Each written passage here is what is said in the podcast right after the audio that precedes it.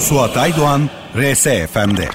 Beni unut düşme sakın peşime Popüler müzikte son 15 yıla damga vuran, beste ve düzenlemelere imza atan Suat Aydoğan, müzik yaşamını Michael Kuyucu'ya anlatıyor. Tıkadın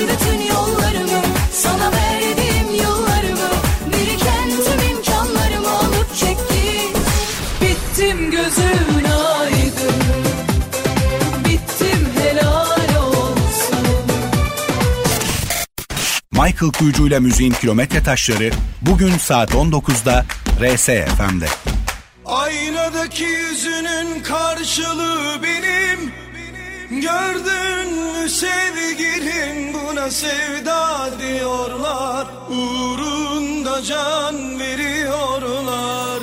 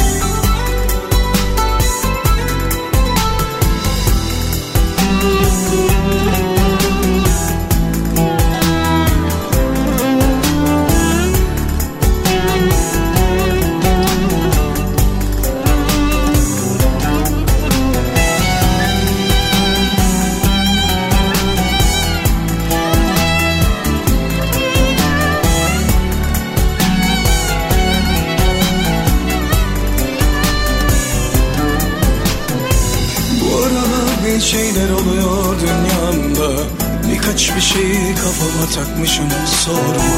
Üstümün başımın kusuruna bakma. Sensizliğe henüz alışamadım. Ne olur benim için huzurunu bozma. Nedir meselerim diye hiç yorulma. Gözlerim kalbindekini anlatıyor. Sensizliğe henüz alışamadım. Eve dönünce Senden son bir isteğim var. Tanıştığımız günü bile unut. Aynadaki yüzünün karşılığı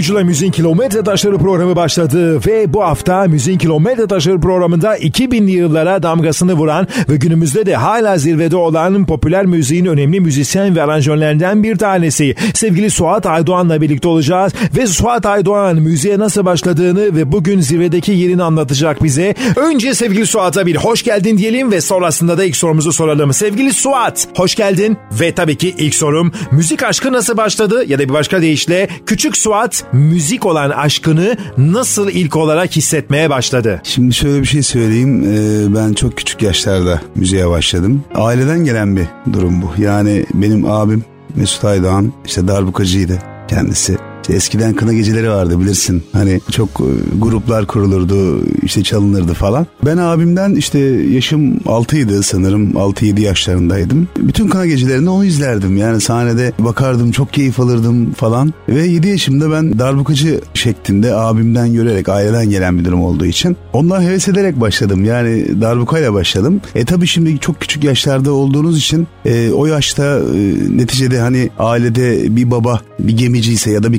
kaptansa siz de kaptan olmak istiyorsunuz. Ya da e, bir kemancıysa e, babadan oğula geçiyor gibi bir durum söz konusu. Ben de abimden göre göre darbukayı işte yatağın altından çıkarırdım. İlkokul bir zamanı öyle düşünün. İşte çalardım ondan gizli tabii kimseye göstermeden. Pataküte pataküte vura vura vura vura e, müzik ruhu gelmeye başladı. 7 yaşındaydım yani çok küçük yaşlarda başlamıştım. Benim ailem biraz tutucu insanlar. Şöyle tutucu insanlar. Mesela benim müzisyen olmamı istemediler yani. Neden istemediler? Çünkü malum e, müzisyen olmak hani gece işi. Hani işte gazino. İşte o zaman tabii Yeni Kapı falan çok meşhur. Az solistler, işte gruplar böyle çıkardı sahnelerde çalarlardı. Benim ailem mesela sadece yani benim okuyup işte atıyorum bir doktor, bir pilot. Klasik e, her aile gibi düzgün bir meslek gibi gördükleri için tabii her aile gibi e, benim de bu tarz birisi olmamı istiyorlardı. Ama tabii ki bende bir öyle bir ateş vardı ki o ruhuma öyle bir girmiş ki hani o kadar küçüksünüz ki aklınızda ruhunuza giren bir meslek var. Yani bu da müzisyenlik. Ben işte ilkokulda dediğim gibi darbukada böyle kızlara oynatırdım. 9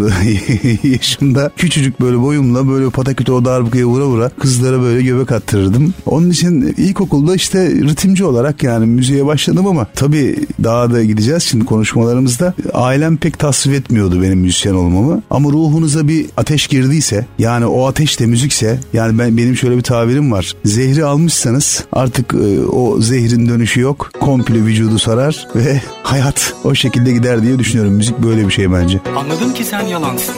Yalanlarla kaç çalansın. Arkamı dönüp seni aramışım. bir bakmışım ki yol almışsın. Ben içimde hep seni, sense hep ayrılığı taşımışsın. Senden son bir ricam var. Şu hesabı kes de üstü kalsın. Tövbe.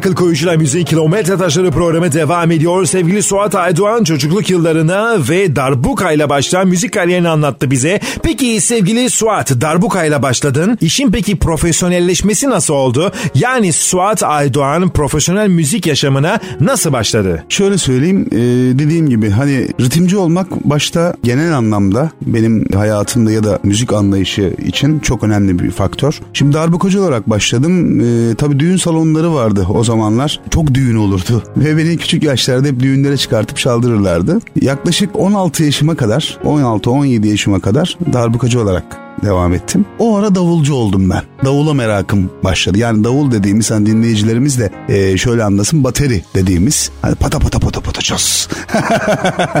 yani e, davula başladım. Davulcu oldum. Sahnelerde davul çalmaya başladım. İşte düğün salonları, işte e, ne bileyim özel geceler e, gibi yerlerde orkestra şeklinde. Orkestra çok meşhurdu o zaman. İşte bir klavye, işte bir e, elektro gitar, bir bas, bir davul. Yaklaşık e, 20 yaşıma kadar yine davulcu oldum ama şöyle söyleyeyim hani e, megalomanlık e, algılamayın. Acayip çok çalışırdım ve feci anlamda beni böyle beğenirlerdi. E, Ne yapıyor bu adam diye. Gerçekten çok e, keyifle uğraşıyorum. Çünkü müziği sevmeniz gerekiyor. Hani severseniz bence bu e, her anlamda, her sektörde. Bu doktorlukta da geçerli. Bu bilemediğiniz bir marketçilikte de geçerli. Yani bu işinizi sevdiğiniz zaman bence e, çok ilerletebilirsiniz. Çok daha güzel şeyler olabilir. E, ve ben e, 20 yaşıma kadar davul çaldım. Ve diyeceksiniz ki bu daldan dala nasıl atlıyorsun? Şimdi orkestramızda bir klavyeci arkadaşımız vardı. Davul çalarken de gözüm klavyede. Ya diyorum ne kadar güzel çalıyor bu adam. Ha, davulcuyum, ritimciyim ama o arada gözümde adamın piyano yani klavye dediğimiz piyano yani keyboard. Gözüm sürekli keyboardçuda. O kadar hoşuma gidiyor ki. Bir gün dedim ki arkadaşıma ya ismi de Yücel diye bir arkadaşımız da kulakları çınlasın. Dedim ki ya dedim bana öğretir misin bunu? Yok canım dedi daha neler sen davulcusun sen ritimcisin Suat'cığım ne alakası var falan dedi. Ben hep böyle boşluklarda işte iki saat boşluk var ya izin alıyordum. Ya müsaade eder misin? Biraz hani çal tabii çalamıyorum da. Sırf hani o şeyimi e, hevesimi alma adına klavyeyle her gün böyle bir saat bir saat bir saat bir saat çala çala çala çala çala çala. Tabii arkadaşımdan da yardım alıyorum. Akor nasıl basılır? Şu nasıl olur? Bu nasıl olur? Falan. O dönem çocuk askere gitti. Bak şimdi. Acayip e, komedi. Artık bende nasıl bir ateş nasıl bir azim varsa ben koç burcuyum. Biraz da böyle e, yırtık e, aman işte şöyle olacağım böyle olacağım modeli bir insanım hani liderlik vasfı var yok değil hani böyle bir işinde koç burçları genelde işine asılır. Hani böyle en iyisi olacağım e, mantığı vardır.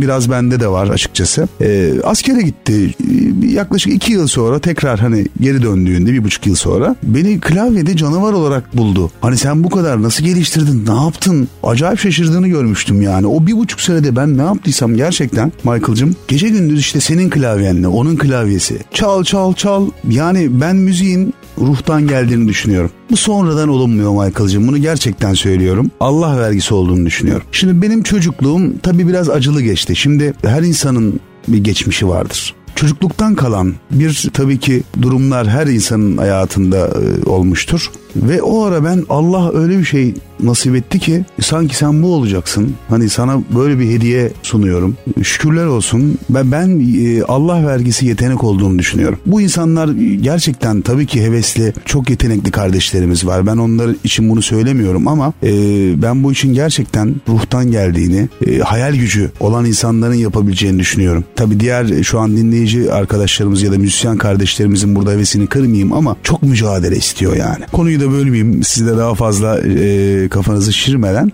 Ve ben e, dediğim gibi 20 yaşıma kadar davulcu olarak çalıştım. Sonra da klavyecilik durumuna başlayacağım geçeceğim ama birazdan onu da anlatacağım.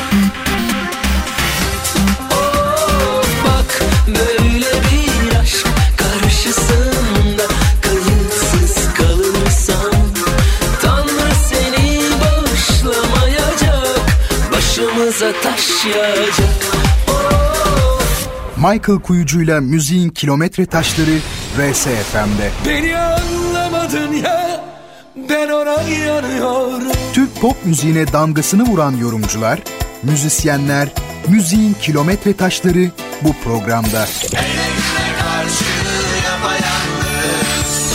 Hoş görsen affet gitsin aldırma Michael Kuyucu'yla müziğin kilometre taşları her pazar saat 19'da, tekrarıyla her cumartesi saat 19'da RSFM'de. Suat Aydoğan'ın konuk olduğu Michael Kuyucu'yla müziğin kilometre taşları devam edecek. Suat Aydoğan'ın konuk olduğu Michael Kuyucu'yla müziğin kilometre taşları devam ediyor.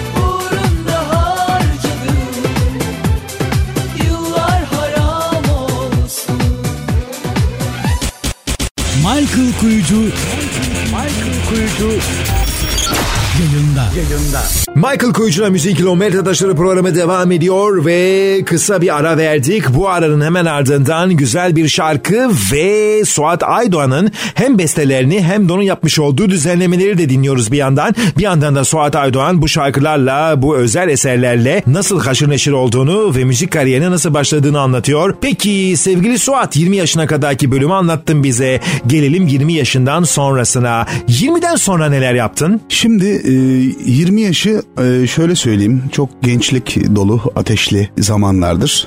E, şu anki gençler de çok ateşli 20 yaşında. Şimdi ben de e, öyle bir e, tabii şu an yaşım 37 e, bayağı bir yol geçmiş. E, 20 yaşımda ben klavyeci olarak başladım işte sahnelerde. Bana dediler ama şunu söylemem gerekir ki ben her zaman beni dostlarım çok iyi tanır. Açık konuşurum. Hiçbir şeyi saklamam. Gerçekten bu böyledir. Kendi klavyem yoktu. Bu tabii ki hani bir müzisyen için inanılmaz üzücü bir taraftır. Kendi klavyem yoktu. Arkadaşlarımdan hep e, ödünç alarak işte Michael'cığım klavyeni verir misin? Bu akşam bir ekstra var. Gideceğim. İşte Ferhan'cığım şu klavyeni bugün verir misin? E, bu akşam bir ekstra var. Tabii ki arkadaşlarım sağ olsunlar. Hiçbir zaman beni kırmıyorlardı. Ve ben onların klavyesini alarak işte sahilde bir restoran orada çalacaksın. Tamam. Ve şöyle bir şey oldu. Tabii bu arada yıllar geçiyor. Yaşım 22 oldu. İçimde farklı bir şey var. Ya diyorum bu bana yetmiyor yani. Ben bu işin mutfağında olmalıyım. Şimdi aranjörlük diyorlar şimdi. Birisine soruyorum abi ne iş yapıyorsun? Diyor ki ben aranjörüm. Aranjörlük ne abi? Tornacılık mı? Yani ne- nedir bu aranjör? Armatör. Hani gemi mi yapıyoruz? Hani nedir? Tabii çoğu insan e, tabii halkımız da bilmez ama aranjör dediğiniz zaman böyle tornacı işte armatör. Hani gibi bir şey zannediyor. Şimdi aranjör bütün albümdeki müzikleri hazırlayan, notaları yazan, altyapıları tamamıyla bilgisayar üzerinde teknolojiyi kullanarak e, tabii ki aranjör dediğimiz insan nota da bilmesi gerekiyor. Yani notist olması gerekiyor ki hayal gücünü koyabilsin. Neyse o geri dönüyorum. Dedim bana yetmiyor ne yapabilirim ne yapabilirim. O zaman e, takdir ettiğimiz sevdiğimiz aranjör abilerimiz vardı. Dedim ki abi ben farklı bir adamım yani bir, bir tuhaflık var bende yani. O tuhaflıkta diyorum ki ben niye bu kadar aksi bir adamım. Şimdi arkadaşlarım diyor ki sola gidelim ben diyorum sağa gidelim. E şimdi adam telefon yapmış. E, ben diyorum ki ya bu telefonun daha iyisini biz yapabiliriz. Hani bir gariplik var. Yani bazen kendime de kızıyorum ya diyorum ne kadar hani ayrı düşüncelerim var benim. Ben niye arkadaşlarıma uyamıyorum? Bir gariplik var yani. Hani kendimde bunu test ediyorum. Hani insan kendinde e, demiş ya hani kendinde bul. Hani mesleğini seç. Hani pilotsan pilot ol. Anlatabildim mi? Hani arkadaşlarım hazır derken abi şu kemancı ne çalmış ya. Abi şunlar ne çalıyorlar ne büyük efsane müzisyenler. Ben hep şunu diyordum arkadaşlar gerçekten büyük müzisyenler ama biz de yapabiliriz ya. Böyle bir girişken bir ruh bir, bir gariplik var yani. Hani kendimi test ediyorum o ara. Dedim ki Suat'cığım sen bu işin mutfağında olman gerekir. Gittim yardım istedim. İşte isim de vermeyeceğim. Çok sevdiğim abilerim var. Vardı. O zaman hala da saygı duydum. Dedim abi bana bir kablo takmasını öğretin. Ya bir bilgisayarı ben nasıl kullanırım? O zaman Atari 1040 diye bilgisayar vardı. Commodore 64 falan bilirsiniz. Çok eski. Tek bir programda onunla çalışırdı. Cubase diye bir program var. Şu anda hala kullanıyoruz. Hiç kullanamıyorum. Bilgisayar nedir bilmiyorum. Hani bir ateş var ama nasıl olacak yani? Ondan sonra e tabii şimdi insanlardan bir şey istediğiniz zaman herkes bir kayış atma durumu vardır. Michael'cığım işte bu yani bu mikrofonu nasıl bağlıyorsun? Gösteririm. 3 yıl geçmiş hala mikrofonu takmayı öğretecek. Hani böyle bir insanlar hani hep diyor ya abi bize niye öğretmiyorsunuz? İşte bize niye bizi bizi niye yetiştirmiyorsunuz? Yetenekleri alıp neden bir okul açılmıyor? Neden bir şeyler öğretilmiyor? Bu ustalardan öğrenecek çok şeyimiz var diyorlar. Çok haklılar. Ee, şimdi döngü öyle bir döngü ki bir şekilde e, çalışmanız gerekiyor. Ve şimdi o kadar hevesli arkadaşımız var. Tabii ki buna vesile olacak bir şirket olsa, işte bir okul açılsa, bu ustalar her gün haftada ya da ayda ikişer ders verseler, bu öğrencileri yetiştirseler güzel bir şey değil mi? Bunun için biz bir kazanç beklemiyoruz ki. Bize böyle bir teklif gelse. İşte Suat'cığım şöyle bir yer açtık ama şöyle şöyle öğrencilerimiz olacak. Haftada iki gün bizim için ders vereceksin. Ben seve seve gelir ders veririm. Tüm bilgilerimi aktarabilirim. Böyle olmanız gerekiyor. Bu şekilde olması. Eğitim budur. Hani müzikle ilgili çok bence çok güzel bir proje doğabilir yani. Ama tabii buna adım atmak, e, bir şekilde insanların sizi vesile etmesi. Hani kimsenin açıkçası pek umurunda değil yani. Onun için de biz de o çağdan geçtik. Onun için bunları böyle anlatıyorum. Hani bana da öğretin dedim. Kimse tabii öğretme yanlısı değildi. İnanın kendim yaptım. Bu nasıl olacak? Bu nasıl olacak? Yerde mi sürüneyim? Kapınızı e, süpüreyim, çayınızı getireyim, kül tavlanızı tutayım dedim. Yani ve bunları yaptım. Kimse acı çekmeden şöhret olamaz. Acı çekmeden kral olunmaz. Vezir bile olamazsınız. Bir yere gelmiş insanlar muhakkak büyük acılar yaşamışlardır. Bunu açıkçası buradan söylüyorum. Acı çekmeden de şöhret olmaz. Bir şekilde mücadele ederek bir yere gelmişlerdir. Tüm sanatçılarımızı konuşuyorum. Hepsini. Müzisyeninden ses sanatçısına kadar hepsi. Gerçekten böyle. Yol veremedim, son veremedim Yaptıklarına dur diyemedim Çare yok dedi bu aşka bilim Sana varmanın felsefesini anlat Sana varmanın felsefesini anlat. Yol veremedim, son veremedim Yaptıklarına dur diyemedim. Çare yok dedi bu aşka bilim Sana varmanın felsefesini anlat Sıcak tenine dokunamadım Yanına bile sokulamadım Tarafından okunamadım. Seni sarmanın felsefesini anlat. Sıcak tenine dokunamadım Yanına bile sokulamadım Tarafından okunamadım. Seni sarmanın felsefesini anlat. Asabiyetten tırlatıyorum Aklımı baştan fırlatıyorum?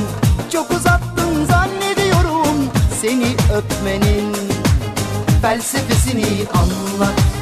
Asabiyetten tırlatıyorum Aklımı baştan fırlatıyorum. Çok uzattın zannediyorum Seni öpmenin felsefesini anlat. Seni öpmenin felsefesini anlat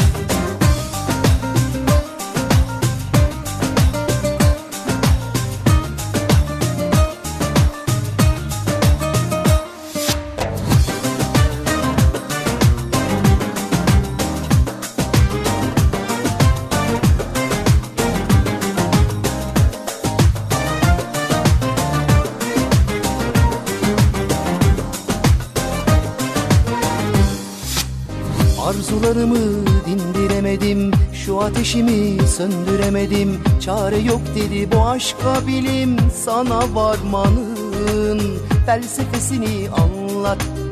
Sana varmanın felsefesini anlat. Arzularımı dindiremedim. Şu ateşimi söndüremedim. Çare yok dedi bu aşka bilim. Sana varmanın felsefesini anlat. Sıcak tenine dokunamadım Yanına bile sokulamadım Tarafından okunamadım Seni sarmanın felsefesini anlat Asabiyetten tırlatıyorum Aklımı baştan fırlatıyorum. Çok uzattın zannediyorum Seni öpmenin felsefesini anlat. Asabiyetten tırlatıyorum Aklımı baştan fırlatıyorum Öpmenin felsefesini anlat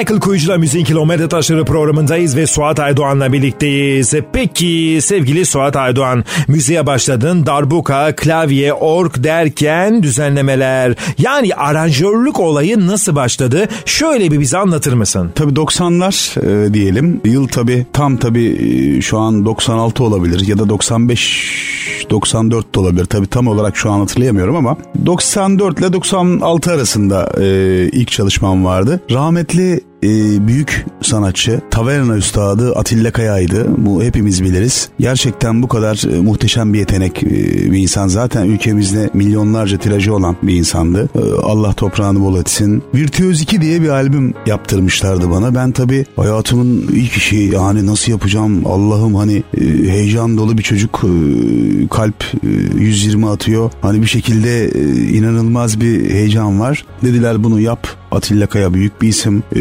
gerçekten de bu, bu şekilde efsane bence. Ve ilk albümü yaptım. O ara işte dediler bu çocukta bir şey var. Hani o ara ben de öyle bir sanki bir sarı ışık gördüler. Yani şunu da söylemem lazım. E, müzik piyasasına ya da herhangi bir meslek dalında e, kendinizi kanıtlamanız büyük çaba istiyor. Büyük güç istiyor. Yani bugün Michael buradaysa belki Michael'ın 20 yılı nasıl geçti? Ya da Suat Aydoğan bunu yaptıysa acaba ne yollardan geçtiler? Neler oldu? Yani o kadar zor ki kendinizi kabul ettirmeniz çok zor. Çok iyi yeteneksin. Muhteşemsin. Ama maalesef onu görmüyorlar yani. Yani bir şekilde sen hep böyle ön yargılı. Tamam aa iyi e, Michael güzel güzel radyocu. Hani iyi geçmişi var müdürümüz şu bu. Cık, dur bakalım adamı bir bak bakalım adam ne yapıyor? Yani e, adam mücadelesi var adamın bir emeği var bunu görebiliyor musunuz? Hayır. Yani kendinizi kabul ettirmeniz çok zor. Belki 8 yıl belki 9 yıl sürecek yani. Aa evet Suat Aydoğan müzisyen artık o gözle görüyoruz demeleri 7-8 yılı alıyor yani. Şimdi oraya geleceğim. E, yapmıştım ve 97 senesinde sevgili plakçı Şahin Özer Allah razı olsun diyeceğim. Gerçekten e, Şahin abinin yanına yaklaşmak bile çok zordu. E, Böyle 100 kişi sırada beklerdi. İşte 80 koruma kapıdan giremezdiniz. Zaten yaptığı işleri biliyorsunuz. Mustafa Sandallar, Yonca Evcimikler, Arif Susamlar, Cengiz Kurtoğulları, Emel Müftüoğulları falan da filan da falan da yani e, popu başlatan adam neredeyse. Yani şimdi Yonca Evcimik aboneyim var mıydı ülkede? İşte bir Emel Müftüoğulları var mıydı? Mustafa Sandallar var mıydı? Onun arabası varlar şunlar bunlar. Arif Susamlar, Taverna. Şahin Özer ve değerli, şi- değerli Şahin abi hoş geldin. Yengecim hoş geldin. Arif abi konuşuyor. Cengiz Kurtoğlu. E, değerli Şahin Özer ve değerli yengem hoş geldiniz gazinomuza. Şimdi bunları dinliyorduk yani. ve bunları dinlerken ya bir keyif alıyordum ben. Allah'ım sanki o gazinodayız yani. Öyle bir şey vardı o zaman. Şimdi bu adam gerçekten büyük bir plakçı. Bunu kabul etmek zorundayız. Ülkemizde çok büyük işler yaptı Şahin Özer. Ve bana da gerçekten plakçı anlamında büyük bir plakçı olarak ilk şansı veren insandır. Bana inanan ilk adam. Bak bu kadar net söylüyorum. Sene 97. Yanında Muzaffer abi diye bir abimiz var prodüktör. Beni çağırdılar. İşte benim 100 liralık aletim var. Hani öyle bir aranjörüm. O zaman tabii devler var. Aykut Gürel, Feyyaz Kuruş. Devler var. Herifler BMW'lerle falan geliyor. Böyle kupe BMW'li bir basıyor fren yapıyor falan. Açın hani Feyyaz geldi falan diyorlar. Biz de orada gariban hani simit var mı abi? Hani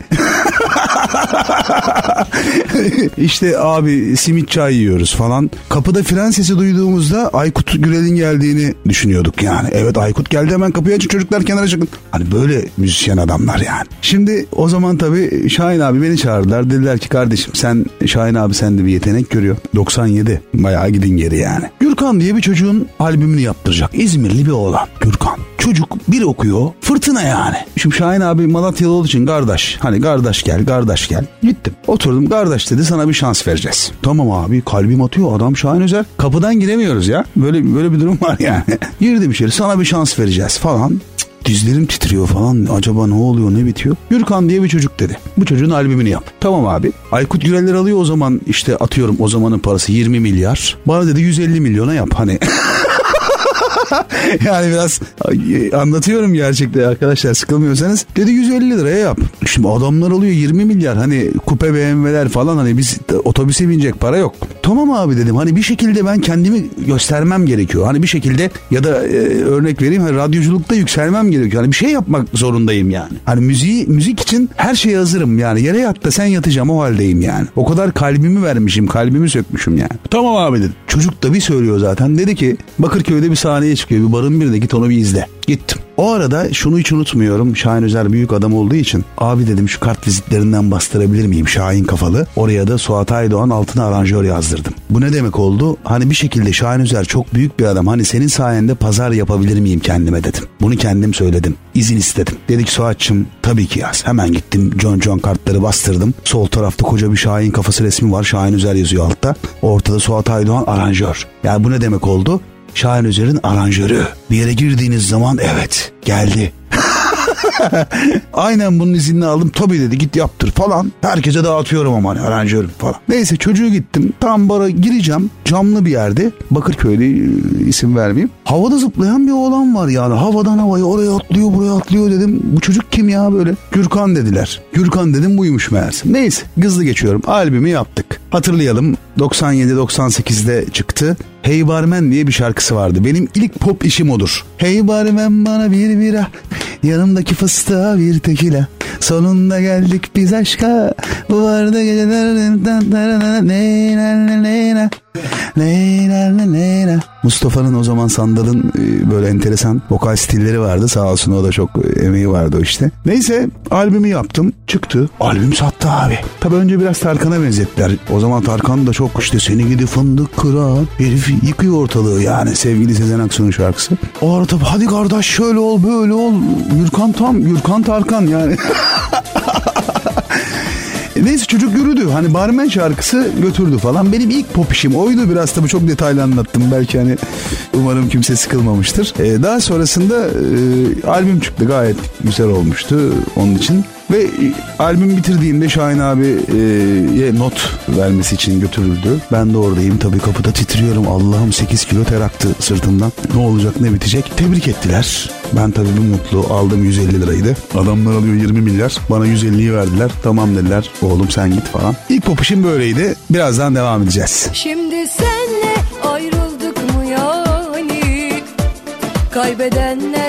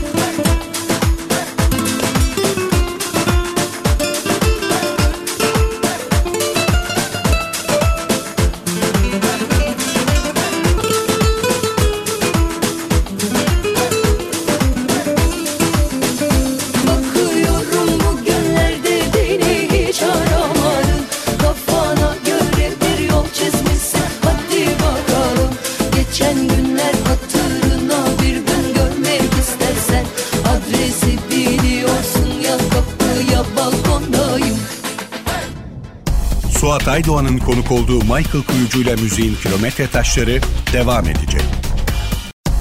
Suat Aydoğan'ın konuk olduğu Michael Kuyucu ile müziğin kilometre taşları devam ediyor.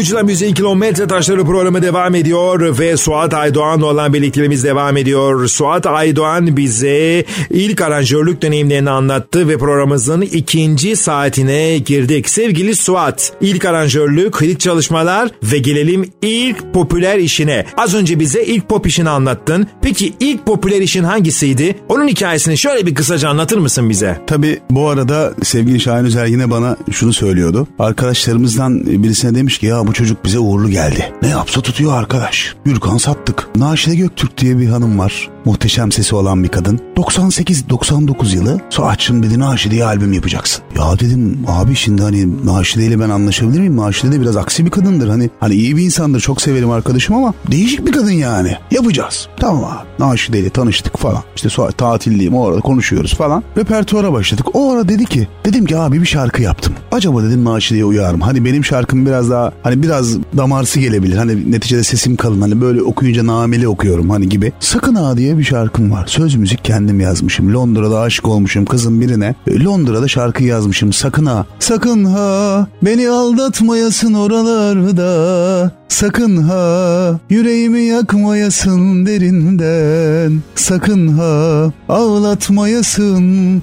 gözlerimi. Öldürürüm kendimi. Yaşayamam.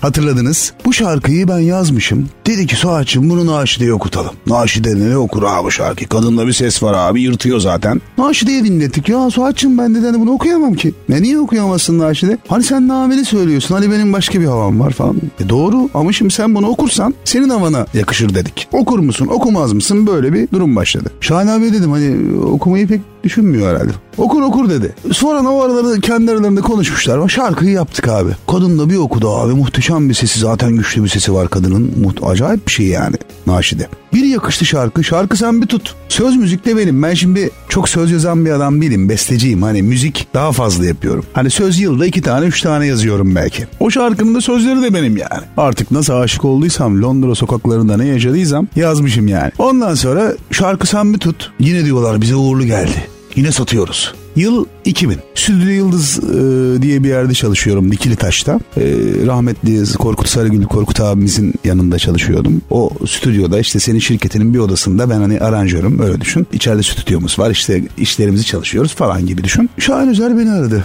Suat'cığım sana bir çocuk yolluyorum. Laz bir çocuk. İsmi de Davut. Buna albüm yapacağız. Şimdi ben kendim de aslen Giresunluyum. Hani ben de Lazım. Ama tabii kemençenin ne olduğunu pek hani bilmiyorum. Hani kemençecilerde pek nota mantığı da yok. Hani nota da bilmiyorlar. Biz dedi bu e, arkadaşımız albüm yaptık. Ama dedi istediğimiz gibi olmadı. Tamam abi dedim yolla falan. Yalnız kulakları çınlasın sevgili Davut Güloğlu'nun da. Yani bir gelişi vardı adam enerji patlaması yaşıyor yani böyle bir adam yok. Rahat durmayan yerinde durmayan bir adam. Dedik ki beni Şahin Bey yolladı sonra. Tamam abi dedim hoş geldin buyur. Albüm yapacağız dedi. Tamam şarkıları bir dinleyeyim dedim. Tabi Karadeniz tarzı olduğu için parça 7-8'lik Nurcanım diye bir şarkı var abi. Gideri de böyle.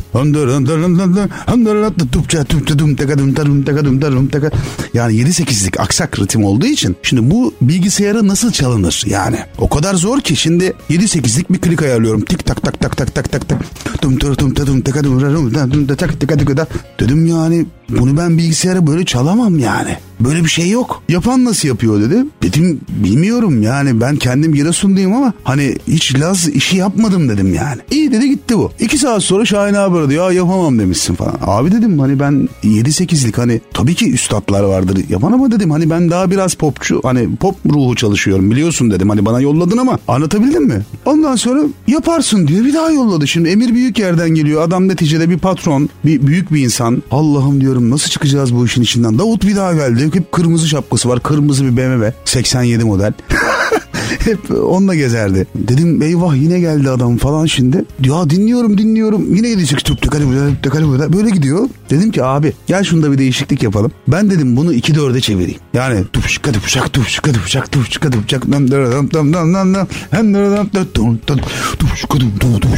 böyle gitsin dedim yani. Şimdi ben bunu yaptım ama adam ayak uyduramıyor bu sefer. 7-8'lik alışmış ya.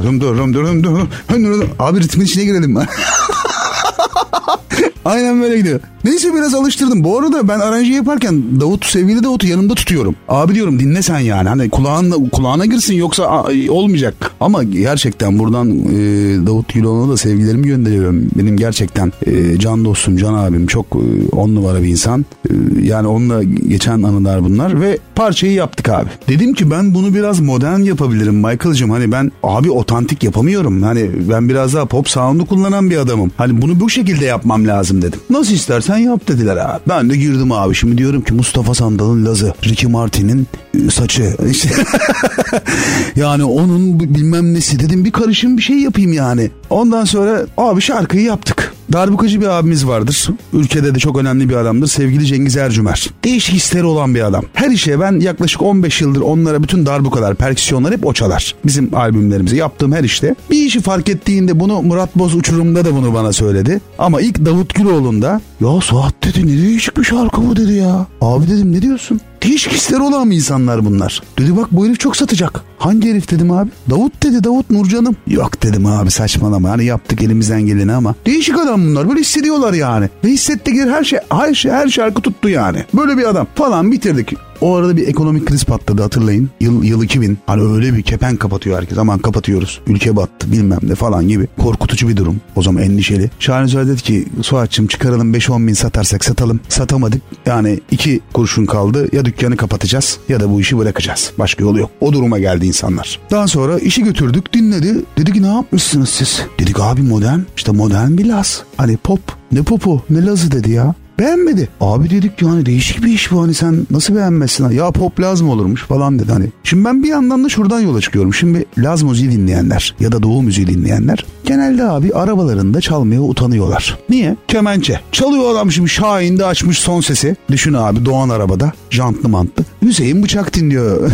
yani açı, utanıyor yani herif açmaya. Hani o sound'u yıkıyoruz o tabuyu yıkıyoruz aslında orada yani. Hani bir sound geliyor. Abi Şahin abi ite kaka zorladık. Abi dedik sen bunu çıkar. Bir çıkardı. Albüm çıkmış benim haberim yok. Stüdyoda ben çalışıyorum. Dünyadan haberimiz olmuyor bir stüdyoda çalışırken. Hani ne olmuş? Michael yazı yazıyor benim için. Yaz yavrum.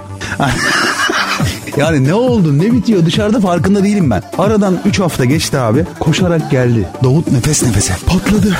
Ne patladı?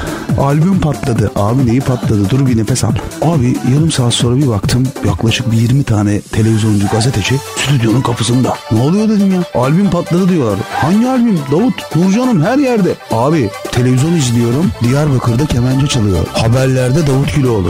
Nurcan'ım. Kafamı çeviriyorum. Kafamı kaldırıyorum. Üst katta Nurcan'ım çalıyor. Yana bakıyorum Nurcan'ım çalıyor. Böyle bir patlama o yoklukta Michael'cığım. Bir buçuk milyon albüm. Şahin Bey, sevgili Şahin abim 10 bin satalım derken bir buçuk milyon çok e, yüklü bir kazanç. inanılmaz bir patlama ve ortaya çıkan muhteşem Davut Güloğlu. Kar beyazdı beyazdı bana yaptın nasıl da bana yaptın nasıl bakışlarından belli vallahi bu kız nasıl bakışlarından belli nur canım canım kurbandı sana canım. Oy nur canım nur canım kurbandı sana canım. Ne dedim da darıldın? Gel sana gel sana gel sana küçük hanım. Ne dedim da darıldın? Gel sana gel sana gel gel gel gel. Michael Kuyucu. Michael Kuyucu yayında. Yayında. Suat Aydoğan bugün Michael Kuyucu'la Müzik Kilometre Taşları programında konuğumuz. Ve sevgili Suat'a soracağımız bir soru daha geldi. Tabii ki Suat Aydoğan özellikle Serdar Ortaç'la yapmış olduğu işlerde çok büyük başarılara imza attı. Ve yaklaşık 10 yıldır Serdar Ortaç'la çok özel başarılara imza atan ve özel hitlere imza atan bir Suat Aydoğan var karşımızda. Sevgili Suat başarılar ardı ardına geldi ama bir gün Serdar Ortaç'la çalışmaya başladın ve o günden sonra başarıların daha da arttı. Serdar Ortaç'la çalışman nasıl oldu ve Serdar Ortaç'la neler yaptınız? Biraz da bu konuya değinir misin? Şimdi şöyle bir durum var. Davut o kadar patlama yarattı ki. İnanılmaz bir satış grafiği. O arada insanlar beni fark etti. Abi bir Suat Aydoğan var ya adam ne aranjör ya.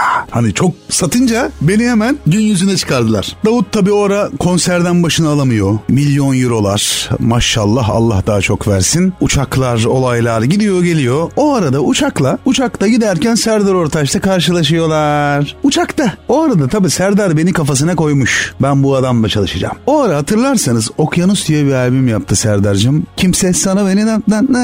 Güzeldi. Güzel bir tiraj. Gerçekten Serdar her zaman satar. Her zaman. şey Ama bir moralsizlik vardı. Hani o artık döneme mi denk geldi? Hani bir güzel bir zamanda çıkmadı. Bir şey oldu. Hani mutsuzdu yani açıkçası. O arada uçakta Davut'a diyor ki ya şu senin aranjörün Suat Aydoğan'ın bana telefonunu verir misin? Tabii ya diyor Serdar'cığım ne demek falan filan. Aradan iki gün sonra ben de Etiler'de küçük bir yere geçmişim artık. Taşındım ufak bir stüdyo kadar bir, bir yer. Orada Ebru Gündeş hazırlıyorum abi. İşte çalışıyorum kaptırmışım Ebru Gündeş şarkısı yapıyorum işte falan. Tak telefonum çaldı aldım efendim dedim. Alo dedi işte ben dedi Serdar Ortaç falan. Kim dedim? Serdar Ortaç dedi. Şimdi evet buyurun dedim ama kalbimdeki ritim sayısı 350'ye vurmaya başladı. Neticede Serdar Ortaç gerçekten gelmiş geçmiş bir megastar bir insan. Her insan kötü dönem yaşayabilir. O ara belki kötü bir zamanlarıydı. Hani her insan düşer, her insan çıkar. Ama neticede ülkede büyük damga vurmuş. Büyük bir sanatçı. Ve o insanın beni araması beni ekstra hatta ekstra ekstra bir heyecanlandırmıştı. Hani koskoca bir Serdar Ortaç bir popstar beni arıyor ve seninle çalışmak istiyorum demişti. Ya bu benim için anlatılamaz bir duygu. Yani o kadar heyecanlanmıştım ki evime gelir misin dedi. Dedim eve mi? Eve gel dedi. Tamam abi dedim. Nerede oturuyorsun işte falan. Tamam gittim. Evinde küçük bir home stüdyosu var böyle iki hoparlör. Hani bir demoları zaten kendi yapıyor evde. Böyle oturuyordu falan işte. Daha sonra dedik Suat'cığım seninle bir albüm yapmak istiyorum. Tabii ben yine bir heyecan. Koskoca Serdar Ortaç'ın yanındayım Allah Allah ne oluyor falan. Yalnız dedi ben hani birazcık hani senden manevi yardım da bekliyorum. Hani şarkı seçiminde de birlikte yapalım. Tamam şarkıları seçiyoruz. Ee, albümde Çakra. Müthiş bir albüm. Müthiş gerçekten benim klasiklerim arasında. Müthiş zaten satış grafiği olmuştu. Şarkıları seçtik. İşte e, Beni Unut diye bir şarkımız var. İşte dedik ki Yunan müziği. Tamam. İşte ben sözlerini yazdım. Beni unut Düşme sakın. Allah mu- muhteşem bir şarkı. Canıma minnetler. İşte yar ayrı gayrılar. Ya var da var. Şimdi ismi lazım değil diye benim bir şarkımı okudu. O, ilk benim bestemi birlikte yazmıştık onda. Biraz da vardı. İsmi lazım değil. İsmi lazım değil. O bir vefasız çıktı. Ey canım. Hey be. Sonra albümü yaptık. Kısa geçiyorum. Hemen o yıla sığdırdık onu. Tabii yine diyorum ki Allah'ım satar mı acaba yani? Ben ilk defa böyle bir koca bir adamın işini yaptım. Hani uğurlu gelecek miyim? Ne olacak? Albüm bir çıktı Michael'cım. Tavan 1 milyon 300 bin mi ne bir rakama ulaştı. Yıkılıyor ortalık Serdar Ortaç. Beni unut düşme sakın peşime. Yıkılıyor. Yalnız o kadar rahat çalıştım ki. Şimdi kemanları çaldırıyorum. Şunu hiç unutmuyorum. Ya Suat'cığım dedim. Biraz dedi hani çok mu hani fazla yazdık. Hani kemanlar çok mu damar. Şimdi dedim ki abi hani denge yapacağız. Hani bir ayarlayacağız onu merak et. Hani falan. Hani böyle kuş gelişmişti o zaman. Çok mu hani keman yazdık falan diye bana soruyordu ikide bir. Dedim sen rahat ol. Sevgili Serdar Ağırlı bu arada Tom Master'imiz e, mixlerimizi yapan çok değerli ustamız. Gerçekten kulakları çınlasın onun da çok büyük emeği var. Bu bir ekip işi. Hani ben tek değil. Hepimiz orada hepimizin emeği var. Mixini yapan, e, çayını veren, asistanlarım Ferhan Taştekin olsun, Tom Master'imiz Serdar Ağırlı olsun. Bu bir ekip işidir yani. Hocam albüm çıktı, hit oldu. Ve Serdar Ortaç'la bizim başlangıcımız oldu. Yıl 2002-2003 sonrası birazdan. Kader senin elinden Çektiğim dertlerimden Kurtulmanın yolu. Bulamadım sonunu Seni unutmasın Sensiz yaşamasın Öğrendim aşka dair Yanıp tutuşmasını. Beni unut düşme sakın peşime. Beni unut gülme sakın halime. Bir daha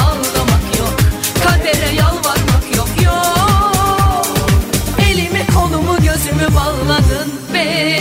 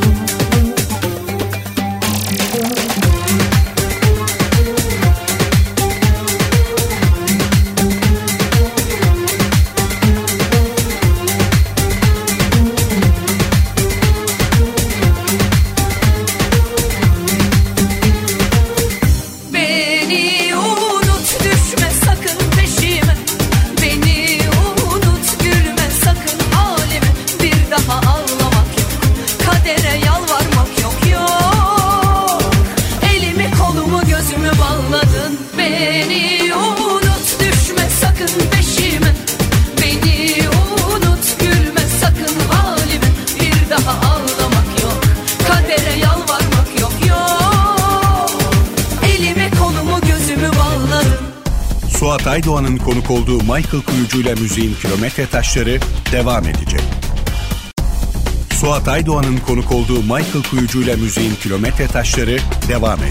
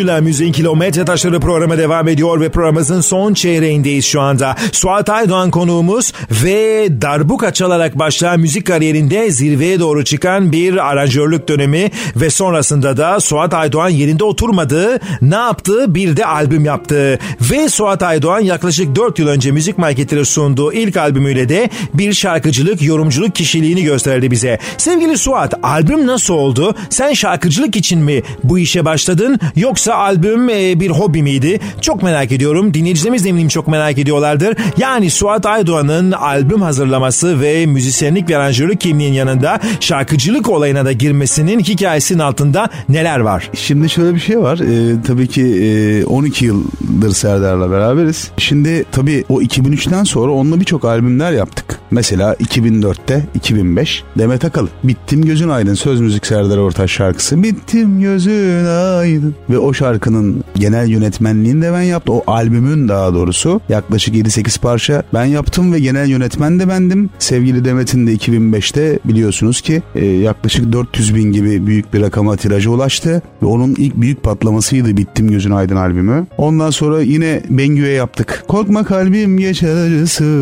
yine it oldu. Sevgili Bengü ile çalışmalarımız var. 2-3 albüm çalıştık. Ondan sonra e, yaptık da yaptık yani Serdar Ortaç besteleri zaten o ara 2002-2003'ten sonra birlikte o kadar iyi bir örtüştük ki o bu kadar yıl hani geçirmeniz demek oluyor ki yani bir şekilde terzi bana iyi bir ceket dikebiliyor. Bir şekilde bestelerden ya da enerjimiz e, bir şekilde uyuşuyor ve güzel işler yapmaya çalışmışız ve ya- yapabilmiş miyiz? Evelallah yapmışız bir şeyler ama çok güzel şarkılar yazmış e, Serdar. Birlikte o yıllar bayağı bir iş yaptık. Şimdi tabii biraz geçelim o bölümü. E, şeye geleceğiz. Şimdi sen şarkıcılığı sordun. 2008'de 2007'de Serdarlarım açıldı benim. Bir yıl. İşte o ara dansöz albümü yapıyoruz. İşte 2006. Dedik hip hop yapalım. Dedim abi şimdi yani hip hopla ne alakası var? Hadi şimdi hani bizim şarkılarımız hani biraz daha hani e, duygu içerikli. Neticede popüler müzik hani insanlar seni çok seviyor böyle hani e, tirajımız çok iyi. Muhteşem ülkenin neredeyse yarısı seni seviyor. Hani anlatabildim mi? Hani bir anda çok büyük değişime gitmenin bir anlamı var mı dedim. E öyle yapılacağız. E tabii ki neticede megastarımız adam ne istiyorsa yapmak durumundayız. O ara bir ters düştük onunla. O da tabii e, tabii diğer arkadaşlarımız da çalışıyorlar. Hani e, bir şekilde hani Suat biraz daha gözden düşmeye başladı ona göre. O ara ben kendimi çekme gibi bir şey hissetmeye başladım. Dedim ki ben hani Tamam Michael'la çalışıyoruz ama bırak hani Michael patron devam etsin ben biraz daha efendi efendi hani onlar yoluna baksınlar gibi bir durum yaşamaya başladım. 2008 bir yıl geçti dansöz albümü çıktı. Ee, tabii malum biraz sorunlar olmuştu. Yine benim bir iki şarkımı kullandı o albümde ama hani tabii ki içimizden gelmeyerek yaptık yani. Bunun işin özü bu kendi de biliyor. 2008'de beni aradı. Suat'cığım buyur abi dedim. Ben neticede profesyonel müzisyenim. Çok da saygı duyduğum bir insan olduğu için yeni albüme başlıyoruz. Tamam. Şeytan diye bir şarkım var dedi. İşte çıkış şarkım. Denedim dedi. Birkaç kere yaptırdım şarkıyı. Ama dedi senin ruhunu istiyorum. Yapmanı istiyorum dedi. Ben de orada bir aşk bunalımındayım abi. İşin özü. Aşık olmuşum kızın birine. Kız da beni terk etmiş falan. Müzisyenlerin sonu böyle. Falan o ara zaten hani kafam şey yani anlatabildim mi? O ara şarkılar yazıyorum falan hani çok duygulu zamanlarım. Gerçekten aşık olmuştum. Müzisyene aşık olmak iyidir. Hele besteciye hani çok şarkı yazar. Ee, malzeme çok çıkar gibi durumlar var. Şeytan diye bir şarkı yolladı. Şeytan diyor ki Zaten hit oldu biliyorsun. Klasik bir albüm haline geldi o. Şarkıyı yaptım falan. Şimdi daha önceden ismi lazım değil birlikte yapmıştık ya şarkı. Her albümde bir tane şarkı benden koyuyor. Dedi bir tane daha damar var mı Suat'cığım? Bana göre bir şarkın var mı? Ver dedi albüme koyayım. Ben doğru çok aşk meşk durumlarındayım Michael'cığım. Dedim bir tane var ama sana hani ağır gelebilir mi abi falan dedim. Hani nasıl ağır diyor. Abi dinleyin falan dedi. Dedim sana değmez diye bir şarkı. Hadi ya dedi bir, bir duyayım falan. Dedim hançer mançer diyor. Hani sana ağır gelebilirsen hani popçusun. Ya abi dinleyeyim. Ya öyle bir enerjik adam ki. Böyle bir insan olamaz. Yani bu kadar Serdar Ortaç diye söylemiyorum. Bu adam çok büyük adam. Çok büyük insan. Çok büyük usta yemin ediyorum. Hani insanlar tabii ki eleştirecek. Eyvallah. Ama var ya Michael'cığım yazıyor adam. Bir onu görmen lazım hallerini yani. O kadar diyeyim. Bu kadar yetenekli bir adam olamaz yani. Allah da sağlık saat versin ona. Dedim sana değmez diye bir şey var. Sana değmez. Bu sitemler sana değmez. Kalbime bir hançer sapla vur gitsin hançer falan diyor. Beni aldattın Allah Allah bak. Bunu bile bile kahrettin. Hatuna bak neler yapıyor. Ama sana kızmıyorum. Tamam kızmıyorum. Sitem de etmiyorum. Sana son sözüm unut gitsin. Yani git ya. Öyle bir şey olmuşum ki. Bunlar çıkmış ağzımdan abi. Serdar duydu. Suat'cığım bayıldım şarkıya. Ver dedi ben yazacağım bunu. Tamam abi. Tabii ki neticede birlikte çalışmalarımız var. O yazıyor. Hani ben tamam diyorum hani gibi şeyler. O da, tabii büyük bir besteci. Hani tabii ki birbirimize bir aranjör olarak ben çoğu şarkının introsunu yapmışımdır. Hani ben kendi adımı yazmadım oraya. Ya işte Michael'ın şu şarkısı. Meğersem melodi de benim yani. Hani böyle bir şey yok. Neticede yine Michael diye geçer şarkı. Anlatabildim mi abi? Neyse şarkıyı yaptık. Serdar okudu. Kafanızı şişirmeyeyim. Durdu durdu. Allah'ın işine bak. Ya Suat'cığım dedi. Ben dedi senin sesini çok seviyorum. E abi ya sonuna sen girsene dedi ya. Durup dururken. Hiç öyle bir plan yok. Dedim abi nereden çıkardın sen koskoca Serdar Ortaç. Ben şimdi aranjörün ne işi var orada? İki tane adamın orada ne işi var? Oku dedi ya. İçimden geldi dedi yahu. Tamam abi dedim girdim. Dedim ama bırak ben kendim gibi okuyayım. Hani ben name falan yapacağım dedim. Yap dedi. Yap. Neyse girdim abi. Peki abi dedim. Kayıt. Bir girdim. Sana değmez. Bu sitemler sana değmez. Kalbime bir hançer sapla vur gitsin. Başladım okumaya abi. Serdar diyor çok güzel çok güzel devam et devam et. Şimdi ben o ara şey zannettim bunu. Ee, dedim herhalde hani hoşuna gitti. Hani evde dinler hani beni, beni, beni şimdi niye koyacak oraya? E Şimdi hani bu adam koskoca Serdar Ortaç hani ne alaka falan. Albüm bitti. Mix'i de dediler bir suatlı yapın bir suatsız yapın. Biz iki türlü de yaptık hani hangisini tercih ederse. Sonra albüm çıktığında bir baktık koymuşlar. Ama düet Suat Aydoğan yazmıyor. Oh. Hani insanlar şunu zannetmemeli yani ben bunu kendim istemedim yani. Tamamıyla doğaçlama çıktı yani. Anlatabildim mi? Şarkı sen bir tut. Yazıyorlar. Abi sondaki adam kim? Dedim birisini okuttuk. Vokalist. Sondaki adam kim? Böyle bir şey başladı. Serdar da işte o zaman bir televizyon kanalında işte açıkladı. Dedik ki aranjörüm Suat Aydan sağ olsun. O bana orada bir yara oldu abi. Hani o aşk şeyimi unuttum. Konsere çıkıyoruz falan. Bana okutuyor falan. Velhasıl ilk düetimizi yaptık. Çok da tuttu. Sana Değmez isimli şarkı. Ve o albüm de çok sattı. Nefes Şeytan. Şeytan diyor ki terarira. Çok hit olmuş bir albümdür. Ve tekrar onunla bir araya geldik. Ve o arada çok tutunca yine Serdar'ın durumu. Ben Müziktir Her Şeyi Anlatan isimli bir albüm yaptım kendime. Ve prodüktörü de Serdar Ortaç'ın kendisidir. Suat'cığım artık albüm yapmak durumundayız. Bu insanlar senden bunu istiyor dedi. Dedim ki abi zaten başıma çorapları ördün. Şimdi mecburen albümü de okuyacağız. Seç dedi şarkılarımdan hangisini alıyorsan al. Ben de Bebeğim diye bir şarkısı var. Bebeğim bu aşk yalan olmasın daha önceki gibi olmasın. Üzülür müyüm tasan olmasın olmaz. Olmaz asla diye bir şarkısı var. Dedi ki en kötü şarkımı seçtin. Dedim abi ben bunu sevdim ben bunu okumak istiyorum dedim. Ya en kötüsü bu dedi. Dedim olsun en kötüsü olsun ben dedim güzelleştiririm onu. Şarkıyı aldım müziktir her şeyi anlatan isimli albümümüzü de yaptık. 2010 yılı çıkardık. Gayet de güzel oldu sağ olsunlar. Hani e, şunu açıklamam gerekiyor ki e, ben bu albümü Michael'cığım ticari bir kazanç için yapmadım. Hani sahneye çıkarız ben sanatçı olurum paraları kazanırız diye ben bunu bir kazanç sağlamak için yapmadım. 2010'da çıkmış müziktir her şeyi anlatan benim kendi solo albümüm ve 3-4 yıl olmuş. 3-4 yıldır bana bir kişi söyleyebilir mi? Abi gittin şurada sahneyi yaptın. Yok kulübe çıktın. Yok şuradan para aldın. Yok bilmem ne gecesine gittin. Ben bunu kazanç sağlamak için yapmadım. Dikkatinizi çekerim. Teklif yok muydu? Vardı. E, tabii ki bir yandan sesimi sevenler, bir yandan abi Serdar Ortaç'ın o da o adam okuyor düetleri var falan diyenler. Hani bir şekilde e, ticari rant sağlayacak kulüpler de aradılar yani. Abi Serdar Ortaç iki sokak arkada sen de burada çıkarsın. E, ben nerede çıkacağım o adam koskoca yer bizi yutar herif. Hani, hani böyle teklifler bilmem neler. Ben 3-4 yıl olmuştur. Bir kere para karşılığında sahneye çıkmadım yani. Hani albüm yaptık parayı kazanalım abi sahne var falan. Asistanlarım da bilir. Kim herkes bilir. Tamamıyla doğaçlama oldu. Zevk için yaptık ve Serdar Ortaç'ın desteğiyle oldu bu. Ama sahne programı yapmadım para karşılığında. Onu söyleyeyim. Bizimki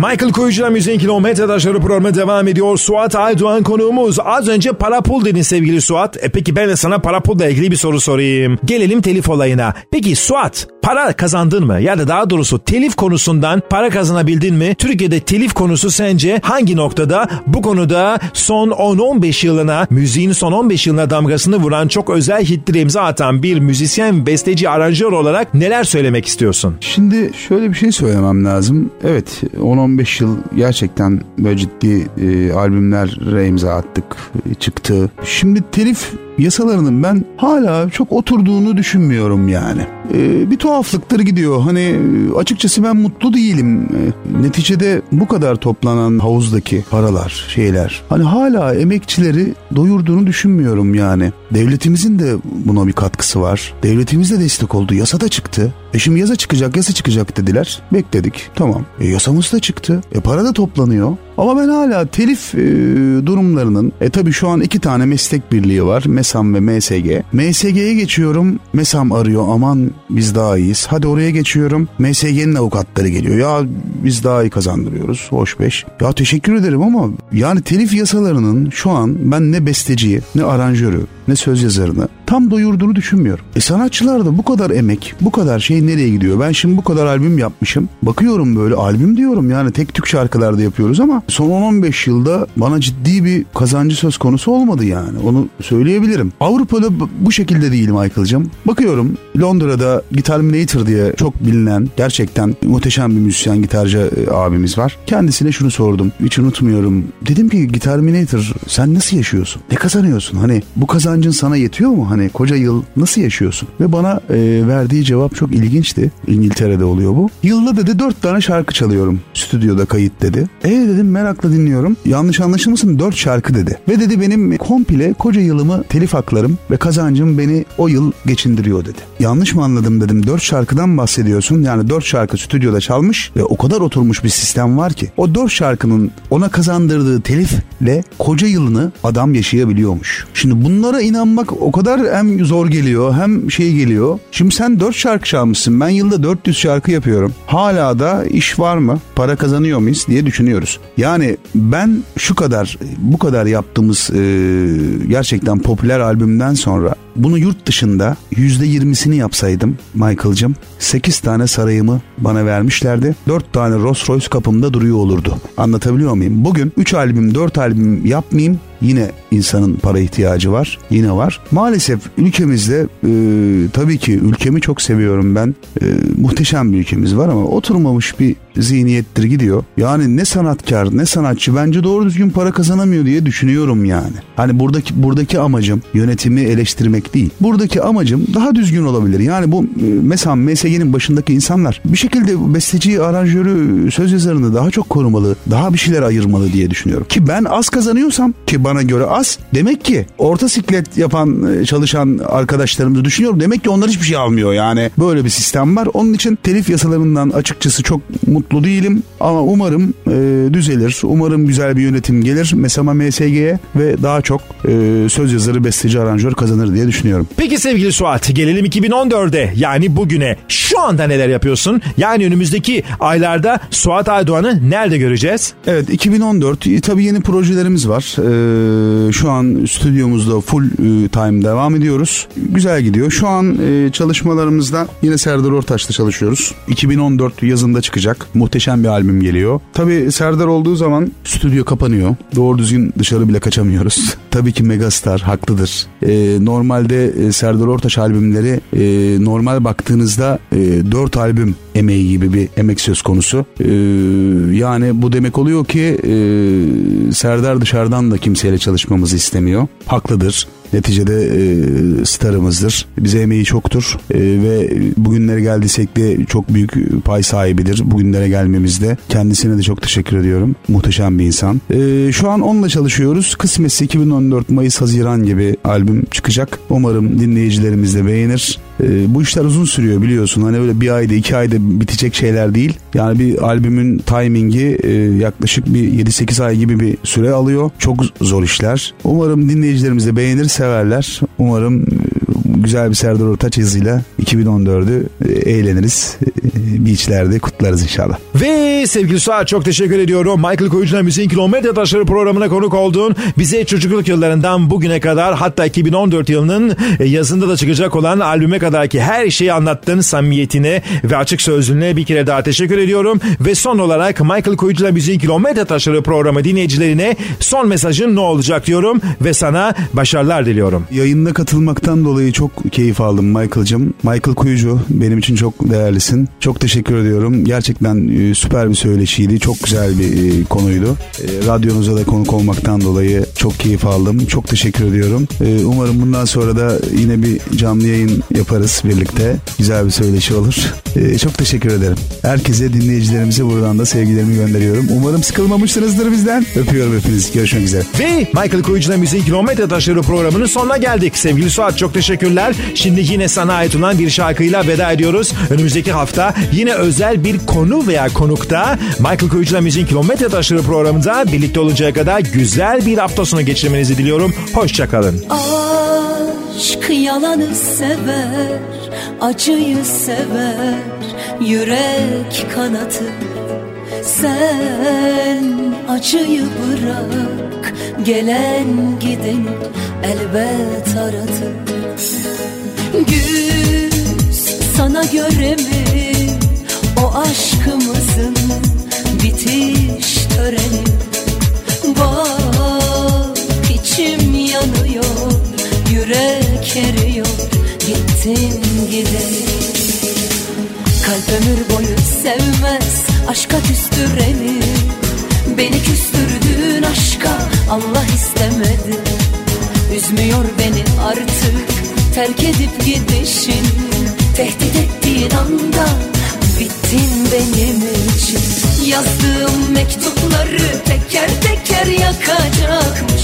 Çektiğim mesajları okumadan atacakmış. Dönüp özür dilersem belki huzur bulacakmış. Aman hiçbir şey bulma canıma minnet. Yazdığım mektupları teker teker yakacakmış. Çektiğim mesajları okumadan atacakmış. Dönüp dilersem belki huzur bulacakmış. Aman hiçbir şey bulma canıma minnet.